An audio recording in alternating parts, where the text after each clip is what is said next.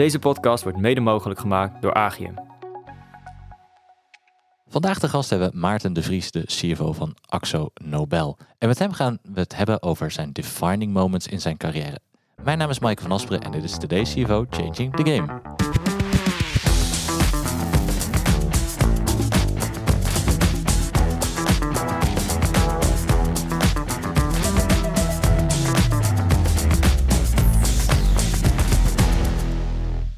Maarten, welkom. Leuk dat je er bent. Dank.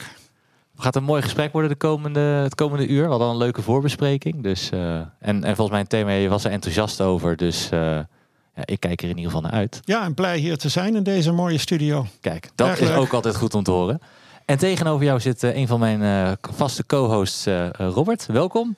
Dankjewel. Leuk dat je er bent. Nou, dat vind ik ook. Jij hebt er ook zin in? Ja, zeker. Het thema spreekt me erg aan van Kijk, vandaag. Dat is mooi. Ja, over defining moments. Dat, uh, ja, dat klinkt natuurlijk zwaar. Het is ook een klein beetje. Je, hebt eigenlijk, je, maakt eigenlijk de primeur voor het nieuwe seizoen. Want jij bent onze laatste gast in, uh, in, uh, in dit seizoen van, van deze jaargang. En volgend, volgende jaargang gaan we een nieuw seizoen in. En ik wil daar een, een, het, het, thema Defining Moments neer gaan zetten. Ik vond het eigenlijk wel mooi om met jou daarin een aftrap te doen. Dus ja, ik ben heel benieuwd. Het is voor mij ook een beetje spannend. Net weer even iets anders, maar ik denk dat het wel goed gaat. Uh, nou, een heel mooi onderwerp. Dus ik ben blij hier te zijn. Kijk, kijk, kijk. Dat is heel goed. Ja, en dan, de, ik zei net al, uh, CFO van, uh, van Axo Nobel. Ja. Um, maar je bent uh, nog meer dan alleen CFO. Dus misschien wil je kort even iets over jezelf vertellen. Ja, ik ben inderdaad sinds, uh, wat is het, 2000, 2018, dus alweer bijna zes jaar CFO van Axo Nobel. En um, ik ben getrouwd met uh, Jennifer. Jennifer, mijn vrouw, is uh, Taiwanese. Ik heb haar ontmoet in Taiwan, maar daar zullen we waarschijnlijk later nog wel uh, op terugkomen. Zij is werkzaam bij Alibaba, Alibaba Europa. En dan heb ik twee fantastische kinderen, een jongen en een meisje, die ondertussen allebei studeren in, in Londen. Dus we zijn een redelijk internationale familie. Ja. Kijk, ja, en daar, daar komen we zo meteen inderdaad nog wel even op terug gelet op de defining moments. En waarom sprak het thema jou nou zo aan? Het thema sprak mij aan omdat ik uh, in mijn carrière echt fundamentele transities heb gedaan. En, en als je daarop terugkijkt, dan zijn dat absolute defining moments geweest in mijn carrière. En hoe ik mij persoonlijk, maar ook professioneel heb, uh, heb gevormd. En dat heeft uiteindelijk heeft dat ook um, is defining geweest voor mijn carrière. Ja, ja, want in tegenstelling tot veel van de andere podcasts gaat het nou eigenlijk ook heel erg over de persoon. Uh, Correct. En, en, ja, dat is natuurlijk ook wel, uh, wel even anders. Ik, ik, ik Robert, ja, daar, ook, daar hebben we het weinig over gehad eigenlijk altijd. Hè? Het was altijd wat afstandelijk. Ja, nou, soms hebben we ook wel eens wat kunnen doorvragen. Uh, maar goed, dit thema gaat natuurlijk over en professionele carrière. Maar er ligt natuurlijk ook thema's onder waarom doe je dingen wel of niet, die veel meer in je persoonlijkheid zitten en wat je hebt meegenomen in het leven, waarom je dingen wel of niet doet. En dat maakt het denk ik ook best wel een kwetsbaar thema. Ja, ja dat, dat, en dat, dat vind ik mooi. Dus ik, uh, ik verwacht heel veel van, uh, van het komend uur. Lekker de lat hoog gaan leggen. maar om, om, daar, om daar dan gelijk even op, op in te duiken. Want uh, jij bent je carrière ooit bij, bij Philips eigenlijk begonnen. En, en eigenlijk, als je er terugkijkt, daar begon eigenlijk een van jouw, jouw eerste defining moment. En misschien daarmee ook wel gelijk een van de belangrijkste. Nou, ik denk inderdaad het belangrijkste moment. Um, ik ben natuurlijk, uh, nadat ik afgestudeerd ben, ben ik bij, bij Philips begonnen. Heb daar uh, een, een, aantal banen gedaan in mijn zeg maar early twenties. Um, en ik ben toen terechtgekomen bij een, een onderdeel van Philips. Dat heet de Business Unit Verkeers- en Vervoerssystemen. En in de, de timmerperiode toen werd dat bedrijfsonderdeel verkocht aan uh, een holding in, uh, in de UK, in Engeland. Um, en, en uiteindelijk ben ik meegegaan met die verkoop. Dus ik was onderdeel van het verkoopproces. En ik werd zeg maar de, de, de financieel directeur van Peak Traffic BV. Dus op mijn, ik was toen 27, 28 jaar uh, was ik opeens uh, financieel eindverantwoordelijk voor uh, een integrale bedrijf, bedrijfje, wat ook internationaal opereerde in projecten. Um, Voelde dat, dat zo? Geval... Dat je echt opeens, opeens was ik het? Ja, nou, eh, kijk, eh, wat natuurlijk het geval Alsof is... Als zei je, van, nou ja, alsjeblieft, nu ben, nu ben je het. Oh, wat nu het geval is, dat in Philips eh, ben, je, ehm, ben je als een commerciële controller verantwoordelijk voor een aantal taken. Maar als je op een gegeven moment eh, zeg maar een financieel directeur bent van een zelfstandige BV in dit geval, dan heb je natuurlijk veel meer taken. Daar moet je ook naar kijken naar je salarisadministratie. Je moet zorgen dat je aan het eind van de maand je betalingen kan doen. Je moet veel meer kijken naar je kaststromen. Die natuurlijk in een groot bedrijf als Philips, eh, wat normaal is dat er altijd geld beschikbaar is. Maar waar ik naartoe wilde gaan, is dat ik toen, ehm, omdat Philips had bedongen dat ik, eh, zeg maar, een terugkeergarantie hadden ze bedongen voor mij. Dus eh, na anderhalf, twee jaar kwamen ze bij me terug met eh, de vraag of ik wilde spreken over een, over een opportunity terug binnen Philips. En toen ik die vraag kreeg, toen zei ik van nou, ehm, ik ben daar eigenlijk niet geïnteresseerd in, want ik heb eigenlijk een, een fantastische baan. Ik ben zeer tevreden, dus waarom zou ik teruggaan naar Philips? En je was op dat moment 8, 29 jaar, zat twee jaar als CFO eindverantwoordelijke positie. En, en dan zou je weer terug in het grotere conglomeraat eh, eigenlijk komen. Exact, exact. Eh, en ik voelde me als een vis in het water in een, in een hele zelfstandige rol, waar ook heel veel dingen nog opgezet moesten worden. Dus toen, eh, toen kreeg ik een tweede telefoontje. Eh, dat het toch wel zo beleefd was van mij om op dat moment eh, in ieder geval dat gesprek aan te gaan. Dus ik ging op een avond eh, met de auto naar, naar Eindhoven.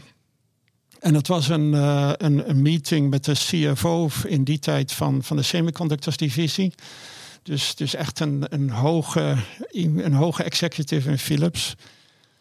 En die eh, bood mij een rol aan in Azië, in Taiwan eh, en wel in Kaohsiung. Want Kaohsiung was een belangrijke zeg maar, regionale hub in, eh, in semiconductors voor Azië. En toen ik terug naar huis reed, toen moest ik eerst op de kaart gaan kijken waar is Taiwan in godsnaam en waar is Kaohsiung. En ik dacht, ja, maar als ik naar het buitenland ga, dan wil ik graag naar, eh, naar New York of naar misschien Singapore of nou, noem eens een paar interessante steden. Dus ik dacht van ja, ik heb een geweldige baan. Ik, heb, eh, ik, heb, eh, ik, ik woon geweldig in, in Amsterdam. Waarom zou ik dit doen? Dus ik heb teruggebeld de volgende dag en ik heb gezegd, nou, fantastisch aanbod, dank, leuk gesprek, maar ik laat dit aan me voorbij gaan. En toen zei hij de, de woorden tegen mij, zei, je weet niet waar je nee tegen zegt. Ik geef je nog uh, vijf dagen, dus tot het eind van deze week, om, om na te denken over deze fantastische opportunity.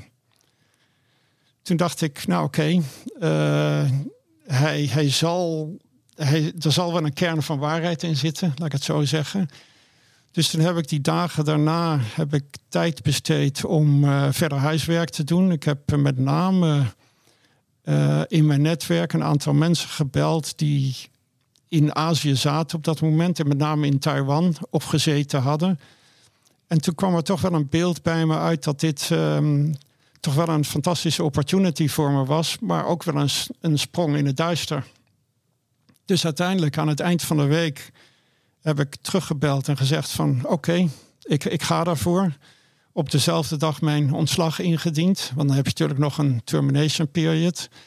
En um, drie maanden later stond ik met mijn koffertje op het vliegveld om, uh, om af te rijden naar Taiwan. En ja, in een situatie dat ik persoonlijk zelf, ik was nog nooit in Azië geweest. Dus voor mij was dat een, echt een, sprong. Uh, naar een regio waar ik, waar ik zelf nog nooit was geweest en wat ik absoluut niet kende. Wat, wat gaf jou de doorslag dan uiteindelijk om toch ja te zeggen? Want je hebt het een sprong in het diepe. Nou, de, wat, uh, de, de, wat je zag in, in de mensen die ik allemaal sprak, die zeiden allemaal: dit is een opportunity waar je geen nee tegen kan zeggen. Dit is, uh, dit is iets waar je zoveel van leert en wat je zoveel gaat, gaat verder gaat, waar je, waar je jezelf zo mee kan, kan ontwikkelen. Dit moet je absoluut doen. En daarbij, ik was natuurlijk jong, dus je kan gewoon die stap nemen. En als je het, als je het niet leuk vindt, kan je altijd je koffer weer oppakken en, uh, en, en terug naar Amsterdam gaan als je dat, uh, als je dat op een gegeven moment toch weer wil. het ergste geval moest je weer een baan zoeken. Nou, eh, wellicht ja. maar de, de overriding, zeg maar, feedback was... eh, ja, dit is, dit is zo'n geweldige opportunity. En, en alle mensen die ik sprak die in Azië zaten of, of gezeten hadden... die zeiden van, dit, dit moet je absoluut doen. En ging, dat dan ook meer om de, de functie die, daar, die je daar ging bekleden? Om juist het, of juist het feit dat je in een totaal ander wereldbeeld, de werelddeel komt te zitten. En eigenlijk alles wat je weet, ja, we zeggen, Nee, het was het laatste. De, de meeste mensen zeiden tegen me: eigenlijk maakt het niet uit wat voor rol het is. Gewoon de experience alleen al helpt je te vormen voor, voor je toekomst. Eh, en, en zo heb ik het. Ik had een geweldige rol uiteindelijk daar, maar zo heb ik er wel. Achteraf kijk ik er wel zo naar. ja. Ja. En heb je ook die volledige vijf dagen daaraan moeten besteden? Of? Ja, ik heb natuurlijk in die dagen, want je moet eerst kijken, eh, je moet je mensen in je netwerk gaan zoeken, je moet, eh, je moet de contacten leggen, et cetera. Dus ik heb inderdaad in, de, in die dagen wel de tijd genomen, maar het beeld begon meer en meer duidelijk te worden, absoluut. Ja. En, en wa- wat vond je het, het eh, wat vond je misschien het meest lastig om dan achter te laten? Want je gaat natuurlijk, je gaat Nederland verlaten. Waar, wat was hetgeen waar je het meest tegenop zou kijken op dat moment dan? Nou, wat ik lastig vond is, eh, ik, ik vond dat ik echt een geweldige baan had. Dus ik, ik, ik was absoluut niet op zoek naar iets anders. Ehm, en, en je laat toch een omgeving achter, inclusief natuurlijk familie en vrienden eh, en een geweldige baan. En dan is de vraag, oké, wat krijg je daarvoor terug? Ja. En, en dus, dus wat, wat zijn de, de balancerende elementen in die, in die keuze? Ja, ja, maar het feit dat er onzekerheid in, in zat van wat je achterlaat of wat je terugkrijgt, was toch het feit dat je echt een totaal nieuwe ervaring aan ging gaan. Dat deed de balance toch wel de andere kant opvallen. Klopt. Ik denk dat als op dat moment het was geweest, nou, je hebt een opportunity in eh, een op dat moment aansprekende stad als New York of zo, dan was het waarschijnlijk wat anders geweest. Maar eh, in, in een stad als Kaohsiung, eh, waar nog nooit iemand wat van gehoord, ja, dan, dan wordt het toch wel, wel wat moeilijker. Ja. Ja. Heb, heb je in die periode, want je had dan drie maanden de tijd, je, je voorbereid op, op, op die stap naar Taiwan? Oh, absoluut. Eh, en ik denk dat ik daar in, in zeg maar nadien heel veel profijt van heb gehad. Niet zozeer aan de professionele kant, want ik, ik kende Philips. Ehm, ik ken natuurlijk de semiconductors business wat minder, maar ik had wel alle contacten zeg maar in Philips. Maar het ging met name om het voorbereiden op cultureel vlak. Dus ik heb eh, eh, tijd besteed aan eh, in feite in het Tropeninstituut op hele culturele zeg maar cursussen om je daarop heel goed voor te bereiden. En ik heb, ben toen ook veel boeken gaan lezen over de cultuur en, en over Azië. En wat is het belangrijkste wat je toen eigenlijk in je rugzak meenam qua cultuur? Nou, het belangrijkste is dat natuurlijk één, de cultuur is fundamenteel anders. En het belangrijke is dat je daarop instelt ehm, en dat je er niet zeg maar met je eigen framework vanuit Nederland eh, naar gaat kijken, maar een andere blik op gaat werpen. En, en dat, dat framework voor jezelf gaat bepalen. En dat kan je natuurlijk alleen maar testen als je daar uiteindelijk komt. Uh, maar je moet wel weten wat je je gaat aantreffen om, om, om je daarop voor te bereiden. Dus Ja. eigenlijk, Is vooral dat bewustzijn waarmee Klopt. je ging. Klopt. en, en ik hoor je ook zeggen, eigenlijk je vooroordelen. De, nou ja, de vooroordelen dat klinkt dan negatief, maar even het beeld wat je hebt. En, en, en dat alles wat je vanuit Nederland meekrijgt, moet je eigenlijk ook, ook Absoluut. loslaten. En, en daar moet je Ja. niet mee gaan zitten denken eh, als je daar dan eh, bent. Nee, klopt. Maar kijk, in die tijd, eh, je groeit op in Nederland. Je hebt een, eh, een, een beeld van de wereld die vanaf met name bepaald is door de Nederlandse vizier. Eh, en, en die is heel anders vanuit een Aziatisch perspectief. En dat moet je inderdaad gaan loslaten. Ja. En het grappige is als je daarover nadenkt. En ik, en ik ben daar pas over gaan nadenken toen ik daar zat. Ik bedoel, wat wij in die tijd leerden aan geschiedenis in Azië was miniem. Ja. Of miniem, eigenlijk eh nihil. En, en ik ben me inderdaad op het moment dat ik in, in, in Taiwan woonde, ben ik me heel erg gaan verdiepen in de geschiedenis van China en, en de cultuur en wat daar allemaal is gebeurd. Omdat natuurlijk Taiwan en China hele grote link hebben. Ja, de afvallige provincie. eh, wat, dat, Absoluut. was dat destijds trouwens? Ik, ik weet niet meer. Ja, dat is misschien een heel onbeleefde vraag. Maar destijds was het ook al de afvallige provincie. Of Ja, ja, ja. Ja, Taiwan is zeg maar eh, in 1949 is Chiang Kai-shek Ja. vanuit China naar Taiwan gekomen. En eh, heeft altijd gedacht dat hij weer terug zou kunnen komen naar China om China weer terug te veroveren. Ja. Maar dat is nooit gebeurd. Nee. Ja. En heb, heb, heb je daar eh, ook veel, veel van die spanningen ook, ook meegekregen? Dat je, dat je dat merkt dat er spanning was? Of is het leven daar redelijk... eh, ja, we zien wel wat daar dan... Het zal, we zien wel of er wat gebeurt. Nou, er is een moment geweest in, eh, dat was eind van de negentiger jaren, want ik, ik kwam daar aan in 92. ehm, dat eh, tijdens de verkiezingen is er grote druk door China op politieke druk door China opgevoerd. En is men op een gegeven moment met raketten gaan schieten rondom het eiland. Ja. En dat heeft wel nogal wat spanning opgeleverd. Zelfs dat eh, met name buitenlanders eh, vertrokken vanaf het eiland. En er heel veel activiteiten waren vanaf de amba- ambassade om te zorgen dat in dit geval alle Nederlanders gelokaliseerd waren. En dat er zeg maar repatriëringsmogelijkheden waren. Maar ik heb dat eigenlijk nooit zo. eh, ja, het klinkt misschien een beetje gek, maar nooit zo echt serieus genomen. Nee. Ik, ehm, ik, ik zeg altijd, ehm, maar ik heb uiteindelijk, eh, dat heb ik nog niet gezegd, maar ik heb, eh, uiteindelijk heb ik meer dan tien jaar in Taiwan gezeten. En, en uiteindelijk, ik, ik leefde daar. Ik was een expat, maar ik leefde als een local. En, en dat, eh, dan, dan ben je heel erg onderdeel van de, van de lokale samenleving.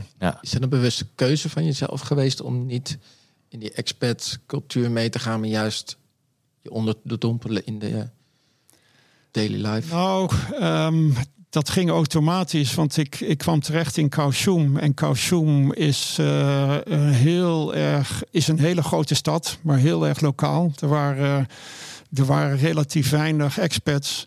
je was dus dan- zelf de community. Eh, dus ja, je wordt automatisch wordt je gezogen in. Als je daar niet open voor staat, dan is het gewoon heel moeilijk om te opereren.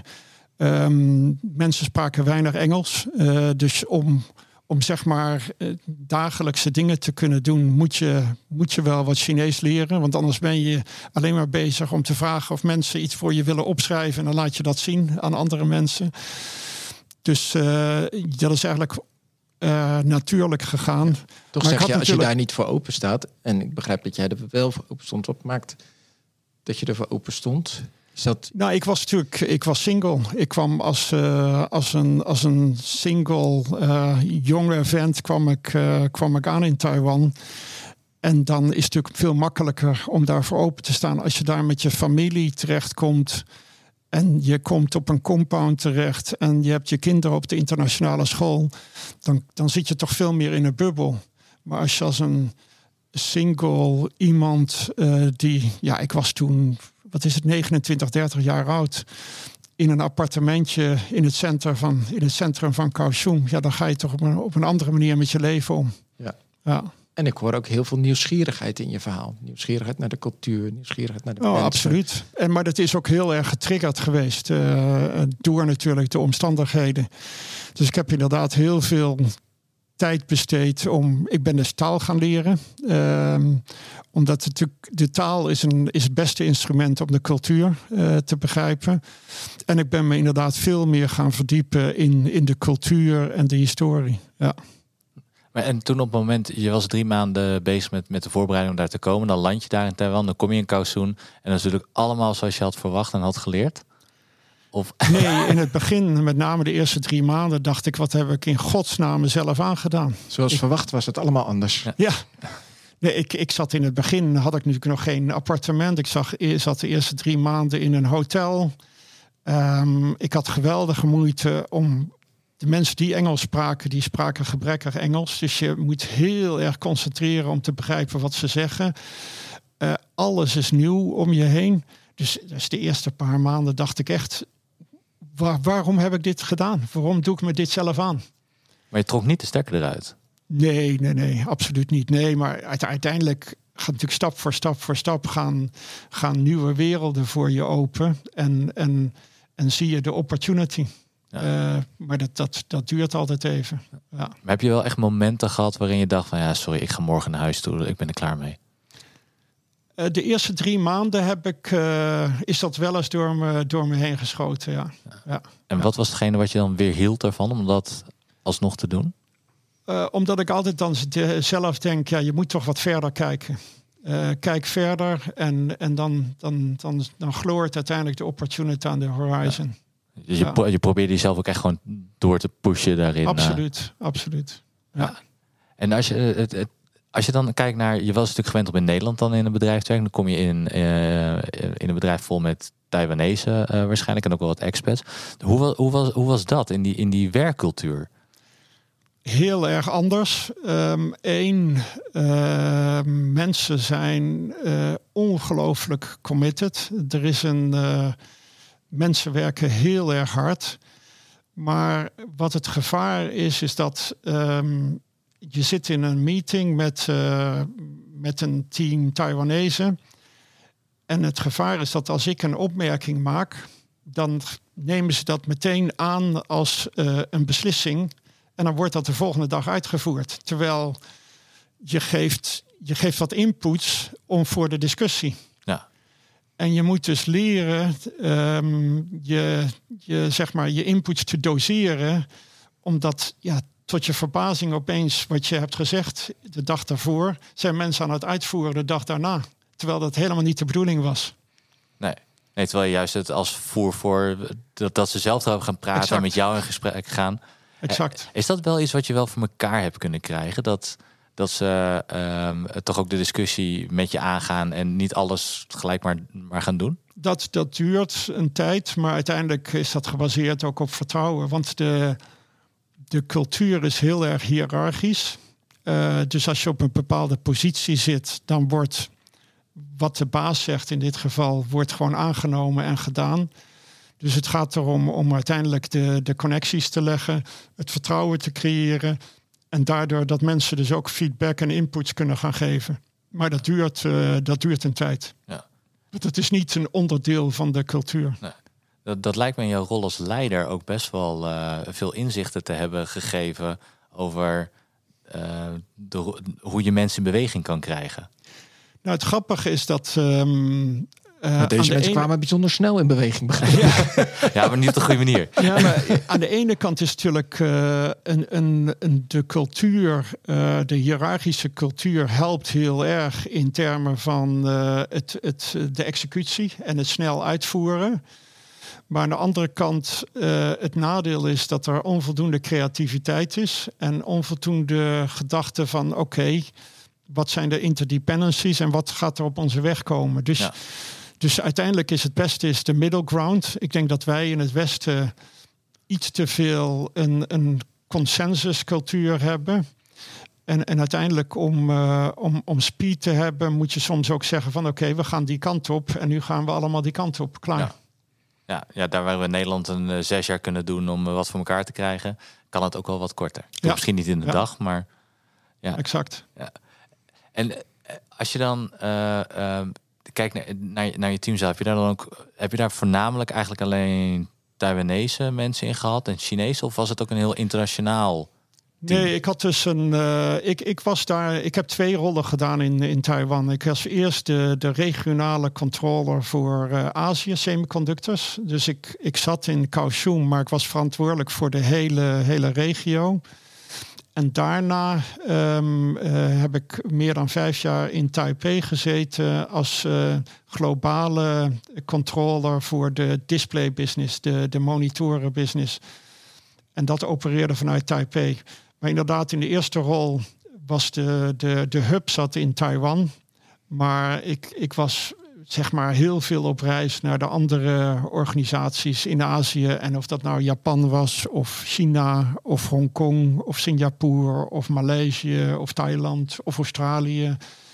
Ja, voor mij ging dat natuurlijk, eh, een wereld ging voor me open. Ja, dat zijn allemaal echt hele verschillende culturen. Ja, ja uh, absoluut. Wat dat betreft.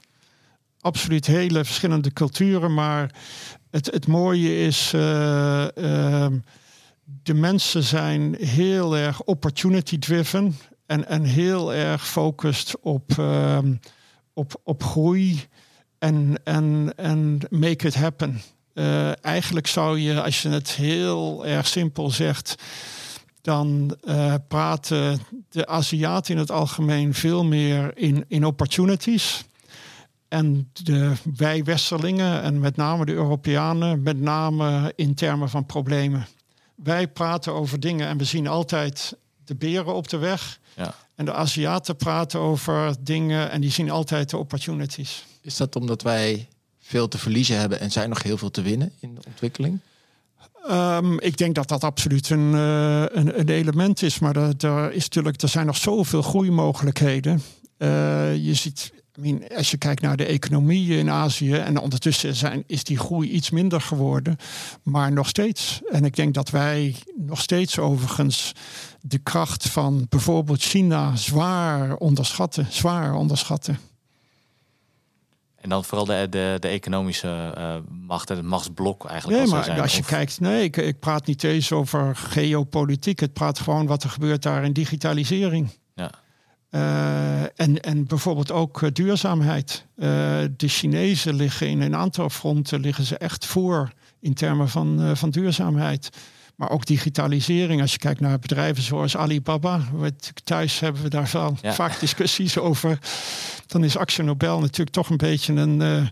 Nog een, en, en, andere bedrijven zijn natuurlijk toch een beetje nog een dinosaurus vergeleken bij, uh, bij dat soort bedrijven. Ja, nou, nou, nou, het, nou kan ik me wel voorstellen dat het lastig is om jullie diensten uh, digitaal te doen als AXO ja. zijnde. Maar dat klopt. er, er, er, is nog wel wat, uh, wat te winnen. Ja, maar welke welke vergelijk zie je wel? Hoe, hoe welke learning zou je wel kunnen meenemen vanuit Alibaba naar Axo Nobel?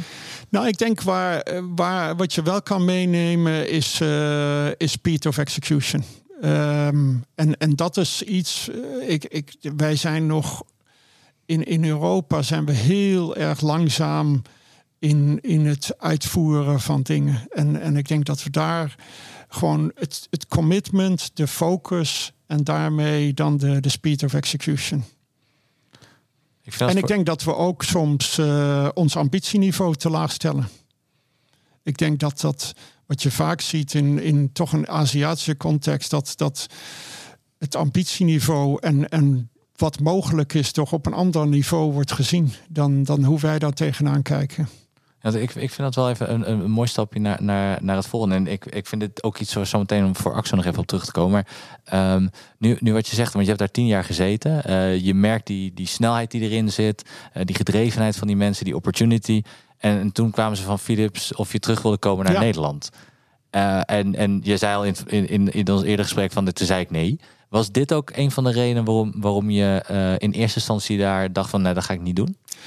Nou, ik had zelf uh, had ik inderdaad mijn vizier gezet op, op China. En ik dacht, uh, ik, na Taiwan ga ik verhuis ik naar China.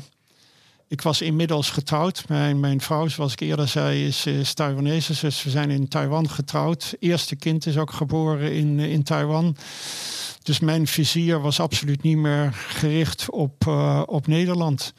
Dus inderdaad, toen ik uh, gebeld werd in dat tijd door de, de CFO van Philips, um, was het voor mij in eerste instantie nee, dat ga ik niet doen. Maar aan de andere kant was het een, een, een offer I couldn't refuse. Het was een CFO-positie van een van de of van de grootste uh, divisie op dat moment van Philips, de, de consumentendivisie. Uh, maar dat was wel, was wel een moeilijke uh, beslissing, om eerlijk te zijn.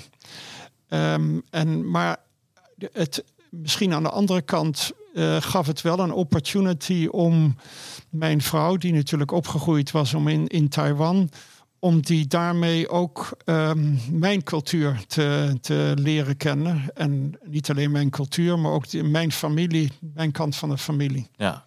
En zag je vrouw dat ook als een opportunity? Of jijzelf? Um, ik zag dat zo. Ik heb haar uiteindelijk weten te overtuigen. Maar het heeft geleid. Uh, toen wij uiteindelijk, toen we besloten om naar Nederland te gaan, uh, heeft dat geleid tot een grote um, culture shock. Bij haar, maar ook bij mij overigens. Ja. ja, want je kwam na tien jaar weer terug. En er is natuurlijk het een en ander veranderd. Uh, maar je bent ook heel andere dingen.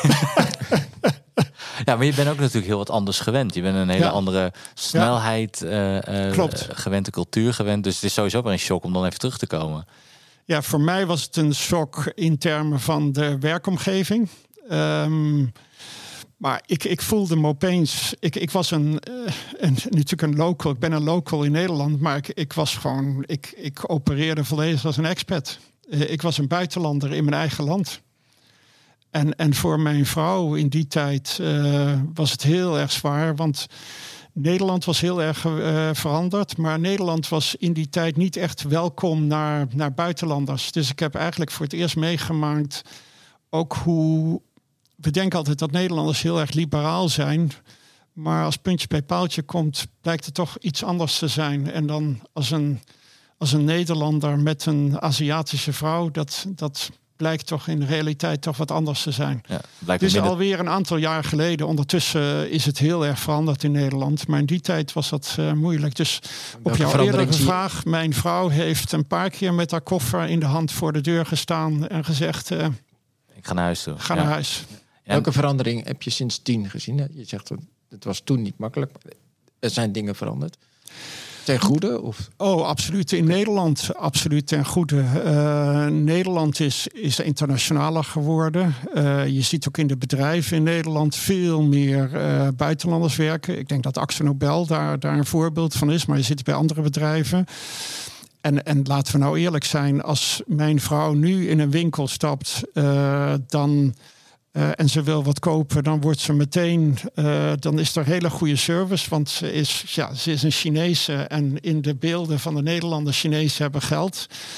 Toen wij terugkwamen uit, eh, eh, uit Taiwan in die tijd, werd een Chinees gezien als iemand die in bij een Chinees restaurant werkt. Ja. Dat was die cultuur toen. Ja.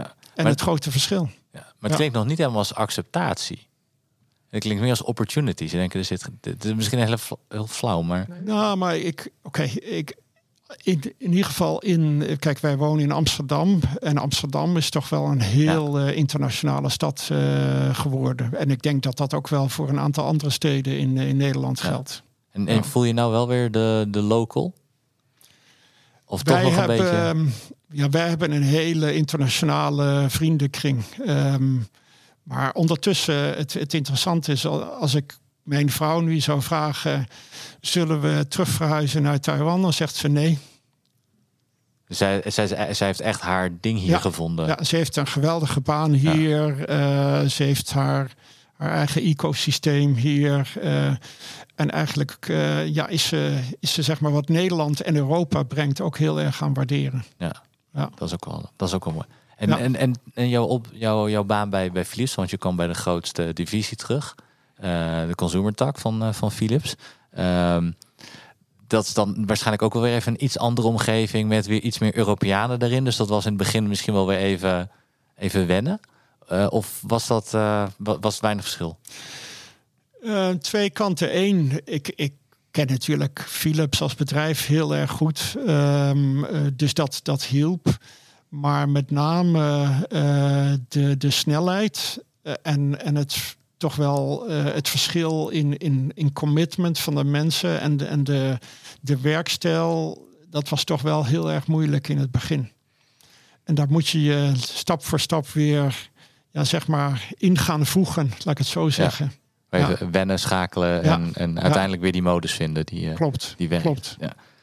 En uiteindelijk ehm, werd, eh, ging, je, ging, je, ging je weer een stap maken, want je, je, eh, je zat bij, de, bij die divisie. Toen ging je eh, een CIO-kant op. Dat is even Ja. een, een hele andere stap. Je was CFO. Jee, weer, weer terug eigenlijk eh, waar, Ja. je, waar, je, waar je was toen, toen je Nederland verliet. Eigenlijk alleen bij een groot onderdeel dan. En dan ga je ineens de CIO-kant op. Ja. En, eh, zijn niet wat, wat ga jij nou doen, Maarten? CIO? Ja, voor mij. het, ik, ik heb daar. Ik, ik zag dat op dat moment als een, eh, als een opportunity om mezelf te verbreden. Maar ik dacht wel bij mezelf: hé, hey, waar, waarom ik en wat kan ik hier toevoegen? Eh, want ik, ik, ik breng de business en ik breng natuurlijk het, het value denken, maar ik breng geen content of onvoldoende content. Dus dat was, ehm, was toch wel een, een, moeilijke beslissing in mijn gedachten. Maar er was zoveel overtuiging in die tijd bij de CEO en de CFO van Philips. eh, dat dat één voor het bedrijf en één en ook voor mij een, een goede stap was. Dat ik dacht van oké, eh, ik, ik, ik neem die stap en ik neem die uitdaging aan. En dan kijken we hoe dat verder gaat. Wat was de belangrijke quest die daarvoor lag? Ehm, de quest was, was exact wat ik zei. Hè? De, de, de IT dichter bij de business brengen. En ook eh, meer het value denken binnenbrengen in, in IT. Precies de Plus- competenties waar je sterk in bent. Ja, plus was eh, er was een quest dat, dat IT op dat moment nog heel erg decentraal was opgesteld. En er was een duidelijke vraag om, ehm, om veel meer een, een one IT, een centralere IT-functie te creëren. Dus meer een transformatieagenda. En ik had natuurlijk in mijn, eh, in mijn vorige banen al, al een fors aantal transformatie-uitdagingen meegemaakt. Dus, dus dat hielp ook. Ja. Maar dit vergde voor jou ook natuurlijk wel weer een, een transformatie. Want ondanks dat het dan eh, binnen Philips is, is het toch een hele andere groep mensen waar je mee Klopt. werkt. Financials snap je, want je hebt je Ja. achtergrond. IT'ers, ja, die, ja, die kunnen twee dingen zeggen. Je bent bij wijze van spreken al los, want je hebt geen flauw idee wat ze... Nou, één, de Ze content. kunnen 1 of 0 zeggen. Ja, twee IT'ers kunnen ook heel erg eigenwijs zijn. financials niet. Nee, maar je hebt helemaal gelijk. En ehm, eh, achteraf, eh, ja, wat ik toen heb gedaan, ik heb tijd besteed om juist niet in Philips IT te gaan kijken, maar veel meer me extern te gaan oriënteren. Dus ik heb ehm, mezelf uitgenodigd in een aantal global IT eh, meetings met andere global CIO's. Het waren met name network meetings in, in Amerika van grote multinationals. En ik heb ook contact gezocht eh, met, met CIO's van gelijkwaardige bedrijven. En gewoon daar one-on-ones mee gedaan om te begrijpen wat, ja, wat speelt er nu eigenlijk in deze wereld? Wat zijn de strategische topics? Ehm, waar moet ik me op focussen? Wat, wat zijn de, de issues die er spelen? Om zeg maar mijn, eh, in ieder geval mijn, mijn bagagezak te gaan vullen. Om, om in ieder geval van een, van een, op een totaalplaatje, op een strategische manier te kijken naar, naar de IT-functie. Het, het, het grappige is, dit doet me dan eigenlijk gelijk weer denken aan hetgene wat je zegt over toen je naar Taiwan. Jouw voorbereiding is daarin heel erg gedegen om te begrijpen eh, wat er aan de andere kant zit. Dus eh, naar Azië Klopt. toe gaan was het heel erg de Aziatische cultuur proberen te, te willen begrijpen. En de IT is eigenlijk heel erg die IT-agenda en wat speelt Klopt. er te, te willen begrijpen. Ja, wat, wat zijn de trends en, en waar, moet ik mij, eh, waar moet ik mij op focussen? Want uiteindelijk de, de diepe content, die kan, je niet, eh, die kan je niet eigen maken. Maar je moet zorgen dat je de juiste mensen op de juiste plekken in je, in je team hebt. Maar het is wel zorg, het is wel belangrijk dat je in ieder geval strategisch de, de juiste richting op gaat. En dat je die discussie aan kan gaan. En daardoor ook eh, een, een bijdrage kan leveren. Ja. Ja. En, en, en hoe lang duurde het voordat je dacht, ik heb mijn bijdrage hier kunnen leveren? Ik, dit gaat helemaal lekker nu. Ik ben hier klaar. ik, het grappige was dat in die voorbereidende periode werd ik steeds enthousiaster over de rol. Ehm, ik, ik ontmoette geweldige mensen buiten Philips, dus ik had een heel erg goed outside-in eh, view. En, en eh, die, dat enthousiasme en de energie werd alleen maar verhoogd naargaande ik daarmee bezig was. Eh, natuurlijk kom je momenten tegen dat het moeilijk is. Eh, daarom zei ik, IT'ers kunnen soms eigenwijs zijn. Dus je moet soms doorbreken door bepaalde gedachtegangen en, en, en bepaalde stramine. Maar ik had het eigenlijk, ik heb, me, ik heb het ongelooflijk naar mijn zin gehad in die rol. Wat is jouw stijl van doorbreken? Doorbreken van stramine, van Ehm, gedachtes. Natuurlijk ga je de discussie aan. Maar ik ben wel op een gegeven moment zo dat eh, eh, als die discussie te lang duurt, dan eh, is het soms oké. we hebben erover gehad. Eh, dit is nu de beslissing en now we move forward. Want anders dan blijf je maar, zeg maar rondgaan, rondgaan. Maar het is wel belangrijk dat je in ieder geval de discussie hebt en daarmee de input krijgt. En daardoor kan je ook je, je, je view, hoe je daarmee omgaat, kan je wat fine-tunen. Om dan uiteindelijk wel een beslissing te nemen en voor, voor te gaan. Ja. En nu dacht je, de, bij, zeggen, bij de eerste stap naar Azië dacht je, ik ben er niet klaar voor. Bij de tweede stap naar CEO dacht je, dit kan ik wel. Uh, en toen kwam er een stap. Nou, ik, ik dacht, waarom ik? Ja, waarom, ja waarom, maar je, je durft hem wel, uh, we zeggen, aan te gaan. Ja, klopt. Uh, zonder misschien al, ja, zonder, wel met erover nadenken. Maar je had misschien iets minder tijd nodig dan die stap naar, naar Azië toe. Klopt. Maar je vertelde toen in het voorgesprek, toen ze jou vroegen voor CEO van de Carve over de televisiebusiness. Toen dacht je wel van, nou nee, ik denk niet dat ik dit kan. Kijk, het grappige is dat uh, uh, met name mijn vrouw heeft een aantal keer tegen mij gezegd: ja, je moet op een gegeven moment gewoon een, een transitie maken naar een CEO-rol. En ik heb altijd gezegd: nee, uh, dat is niks voor mij. Wat was ik, haar motivatie om dat te zeggen? Haar motivatie? Ja. Misschien ziet ze meer in mijzelf dan ik zie. Dat heeft ze altijd gezien. maar um, uiteindelijk uh, heb ik heel erg heb ik zeg maar een meer een, een, zeg maar een supporting rol gespeeld. En, en heb ik mijzelf niet zo sterk gezien in een CEO-rol. En, en ook wel opgekeken tegen, tegen mijn bazen, die daar toch een, een hele goede rol in spelen. Vanuit een communicatieperspectief, vanuit een engagement-perspectief, et cetera, et cetera. Dus um, nee, dat was niet een, een, iets wat logisch in mijn, uh, in, in, mijn vervolgstappen thuis hoorde. Nee. Dus daar heb je wel goed, goed over na moeten, moeten denken? Of? Ja, daar, daar moest ik over nadenken. Maar in dit geval speelde er iets wat, um, wat wel een belangrijk aspect voor me was. Is één. Ik werd gevraagd om CEO te worden van de, de televisiebusiness. De televisiebusiness op dat moment was de bedoeling om dat uh, te divesten, om, om, om dat separaat te zetten. En um, er waren al gesprekken gaande met een Chinese aandeelhouder uh, voor de koop van de televisiebusiness. Die waren nog in het pril stadium, maar in, in, feite de, de kandidaten voor de koop van die business waren allemaal uit, kwamen allemaal uit Azië. Ja. En toen dacht ik van, hé, hey, één, het hele traject, het hele divestment project, het disentanglement project... Uh, en daarmee dan de integratieproject plus het, het, samenwerken met in dit geval een, een Aziatische uh, aandeelhouder. Dacht ik van ja, daar, daar speel ik wel in op een paar sterktes die ik heb. Dus dat, daar kan ik wel uh, added value leveren. Misschien niet puur zang op, op de CEO-rol, maar wel in dit bredere, bredere plaatje. Ja, en op dat hele, ja, dat, dat, dat hele divestment uh, traject uiteraard. in die waar, zin ook weer een transitie. Ja, ja, ja. ja. ja. Ja, want stel je voor, het, het was CEO geweest van een business die niet daarin zat, dan, dan had je het misschien niet gedaan. Als nou, die dan had ik in ieder geval nagedacht, oké, okay, wat is nou de added value die ik echt Ja. kan brengen hier? Ja. Ja. En wat, wat, waar zie jij dan het grootste verschil tussen de added value van een CFO en een CEO? Waar lopen die het meest uit elkaar?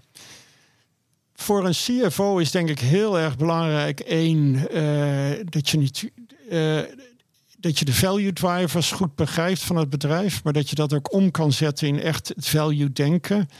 En twee, het, het grote uh, added value van een CFO is processen en data en dat omzetten ook in, uh, in, in digital thinking. En, en het grappige is dat uh, met een aantal van mijn ervaringen ja, is dat allemaal bij elkaar gekomen. Dus ik ben eigenlijk heel erg blessed, zou ik zeggen, dat ik, dat ik een aantal keren uit mijn, mijn comfortzone ben gestapt. En die, en die learnings heb gehad. En daardoor uh, de mogelijkheid gehad, of eigenlijk heb, om ja, op alle noten van de piano te kunnen spelen.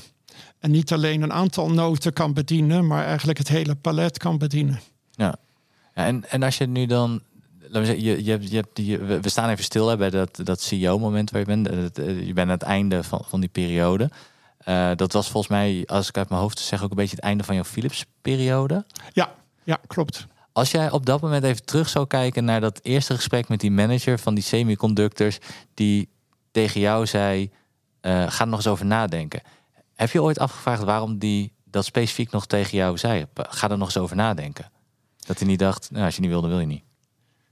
Nou, ik denk dat het zo is dat uiteindelijk bij career development of talent development is het, eh, moet je heel erg kijken wat is, wat, ze, wat is de potentie in mensen. En, en ik denk dat je soms de gelegenheid moet hebben dat je uh, mensen om je heen hebt. In dit geval uh, de, de CFO van Semiconductors, die, die vertrouwen in je hebben en ook die de, het groeipotentieel in je zien. En, en daardoor ook een risico met je nemen. En dat is ook een belangrijke learning. Want uiteindelijk is, is hoe, hoe creëer je opportunities voor mensen om ook een risico met ze te nemen. En er zijn dus in mijn carrière momenten geweest waarop mensen een risico met mij hebben genomen. Ja. En dan ook meer eigenlijk in jou zagen dan je zelf zag. Klopt, klopt. In eerste instantie. Ja. En nu ben je in de positie om zelf mensen die opportunity te geven en potentie te zien. Waar ligt je focus dan op als je kijkt naar potentie in mensen? Nou, wat, wat ik eigenlijk. Uh, kijk, dat is natuurlijk een van mijn leermomenten. Uh, is dat ik uh, heel erg in mijn huidige rol, maar ook in mijn vorige rollen, heel erg focus op de, op de people agenda. En daardoor heel erg kijk naar, naar talent development. Uh, hoe creëer ik experiences voor mensen om ze te helpen te groeien? En hoe kan ik ook zorgen dat ik risico's neem met bepaalde mensen om ze daarmee te laten groeien? Want uiteindelijk, ik denk dat het mensen uit hun comfortzone te halen maar ook um, uh, om, om mensen soms te stretchen. Uh, geeft een geweldige learning opportunity. En, en, en laten we wel zijn, ik denk dat, dat over het algemeen iedereen kan veel meer dan je zelf denkt. Ik denk dat je soms jezelf beperkt in, in wat, je, wat je kan. Maar we kunnen als allemaal uh, kunnen we veel meer dan we zelf denken. Dus, dus ik ben daar heel bewust mee bezig. Niet met mezelf, maar juist met, uh, met mijn team. Om, uh, om, om, om zeg maar dat ook over te brengen. En, en mensen daarin te helpen om te groeien. Ja. Wat, wat, heb je een visie op wat mensen terughoudt om voor eigen volledig potentieel te zien? Ik, ik denk dat het uh, dat het vaak omstandigheden zijn. Mensen zijn in een bepaalde rol, zijn in een comfortzone. Maar het heeft ook te maken met privéomstandigheden, uh, met je familieomstandigheden, uh, kinderen, et cetera. Uh, dus daarom is het soms belangrijk om te kijken juist naar, naar hele jonge talenten die veel meer uh, zeg maar flexibel zijn nog in hun leven. En dus in een, in een, in een early stage van de, van de carrière om mensen al mogelijkheden te geven om ze te stretchen en daarmee dus ook flexibel te kunnen zijn. Of je iemand op een gegeven moment naar een assignment stuurt. Want we denken heel erg assignment-based. Een assignment naar, naar Amerika of naar Azië, et cetera, et cetera. Ja, merk je ook, uh, als, je, als je nu kijkt naar, naar, naar zeggen, die jonge talenten... Uh, dat die agenda van de jonge talenten misschien ook iets anders is dan de agenda die jij uh, 20, 30 jaar geleden uh, had. Misschien niet zozeer het ambitieniveau, maar vooral hoe je ergens wil komen, dat dat misschien dat dat verandert, verschilt. Um, de agenda is anders, omdat ja, in mijn tijd uh, was de wereld natuurlijk een stuk kleiner dan die, dan die nu is. Um, maar ik denk dat er ook een, een, een verschil is dat uh, er nu veel meer wordt gekeken naar work-life balance. Uh, dat zie je met name in, in, in de westerse deel van, van, de, van de wereld, in Europa. En um, er wordt ook anders gekeken naar, um, naar de carrière, waar er toch mensen veel vaker stappen maken, ook tussen bedrijven door. Waar je in mijn tijd toch veel meer keek naar je, je werkt voor een bedrijf en je, je maakt carrière in dat bedrijf, is dat nu heel anders. Ja, ja nu, nu ga je veel eerder buiten de deur kijken en werk je exact. ergens twee, drie jaar misschien. Klopt, en dan, uh... klopt. En dan ga je voor wat anders. Ja, ja. Wat het natuurlijk voor bedrijven als jullie ook een stuk lastig gemaakt om echt lange termijn carrièreplanning uh, planning te doen. Ja. Zou dat ook je advies zijn? Zo, hè? Zoals we dat nu zien, dat mensen switchen tussen bedrijven. Of zou je advies zijn juist aan... Eh, aan mensen die nu carrière maken om juist wat langer een carrière te bouwen binnen een organisatie? Nou, het is moeilijk om die vraag te beantwoorden. Maar ik denk dat het heel belangrijk is om altijd te kijken wat voor experiences uh, voeg je nu toe in je carrière. En dat kan soms in het bedrijf. Uh, omdat natuurlijk een bedrijf als Axel Nobel is een groot bedrijf. En, en we hebben veel mogelijkheden. En soms kan dat ook buiten het bedrijf. Maar, maar het gaat erom dat je verschillende experiences, of dat nou in finance is of buiten finance, maar ook um, uh, leadership experiences zijn heel erg belangrijk. Um, change experiences, change management, transformatiemanagement. Dus er zijn, dus je moet heel erg kijken van oké, welke stappen wil ik maken en, en het is om, het is bijna een kind of tick in, tick in the box exercise bijna. Ja. En als we nou een, een stapje even maken naar jouw laatste, uh, uh, je huidige werkgever, zeg je laatste, maar je huidige werkgever. In, in, 2018 stapte hij over naar, naar Axel Nobel, een bedrijf ja. wat, uh, wat, het, wat het zwaar had, ja. kunnen, we, kunnen we eerlijk stellen. Um, met, met alle bagage die, die, jij, die jij mee hebt kunnen nemen daar naartoe, met al je ervaringen. Wat is voor jou de meest belangrijke les die je hebt kunnen toepassen als het gaat om die turnaround bij, uh, hmm. bij Axo. En het is misschien moeilijk om er één te noemen, maar ik probeer het gewoon. Wauw. Ja, ik ben inderdaad eind 2017 begonnen. Uh, om, om eerlijk te zijn, heb ik toen ook voordat ik begon aardig wat due diligence gedaan. Uh, een outside interview gecreëerd voor mezelf op Axo Nobel. Axo Nobel was toen in heel zwaar weer. Uh, ik denk dat de belangrijkste les in zo'n transformatie uh, van zo'n groot bedrijf is heel duidelijk zijn in het zetten van je prioriteiten, heel duidelijk communiceren en heel veel focus op, uh, op change management om, om te zorgen dat je de organisatie meekrijgt. En het laatste misschien is dat om dat wiel aan de gang te krijgen, dat duurt altijd een aantal kwartalen. Dus je moet je moet ongeduld hebben, maar je moet ook weten dat het tijd nodig heeft om, uh, om het wiel aan de gang te krijgen. Ja, je moet ongeduldig geduldig zijn. Exact. Ja. Ja. heb, heb je, want je zijn natuurlijk in, uh, in, in, in Azië merk je ook dat je kan veel sneller beslissingen nemen, veel sneller doorknallen. Hier is dan een beetje polderen. Heb je dat, dat geprobeerd om die turnaround uh, te krijgen door ook gewoon wat meer dingen er snel doorheen te krijgen en iets minder te polderen, omdat de urgentie gewoon heel hoog was?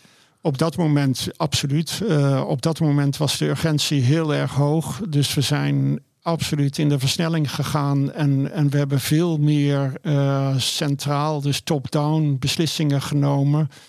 Om, om te zorgen dat we, dat we dat wiel aan de gang uh, kregen. Dat was op dat moment nodig, dus was geen, geen keuze.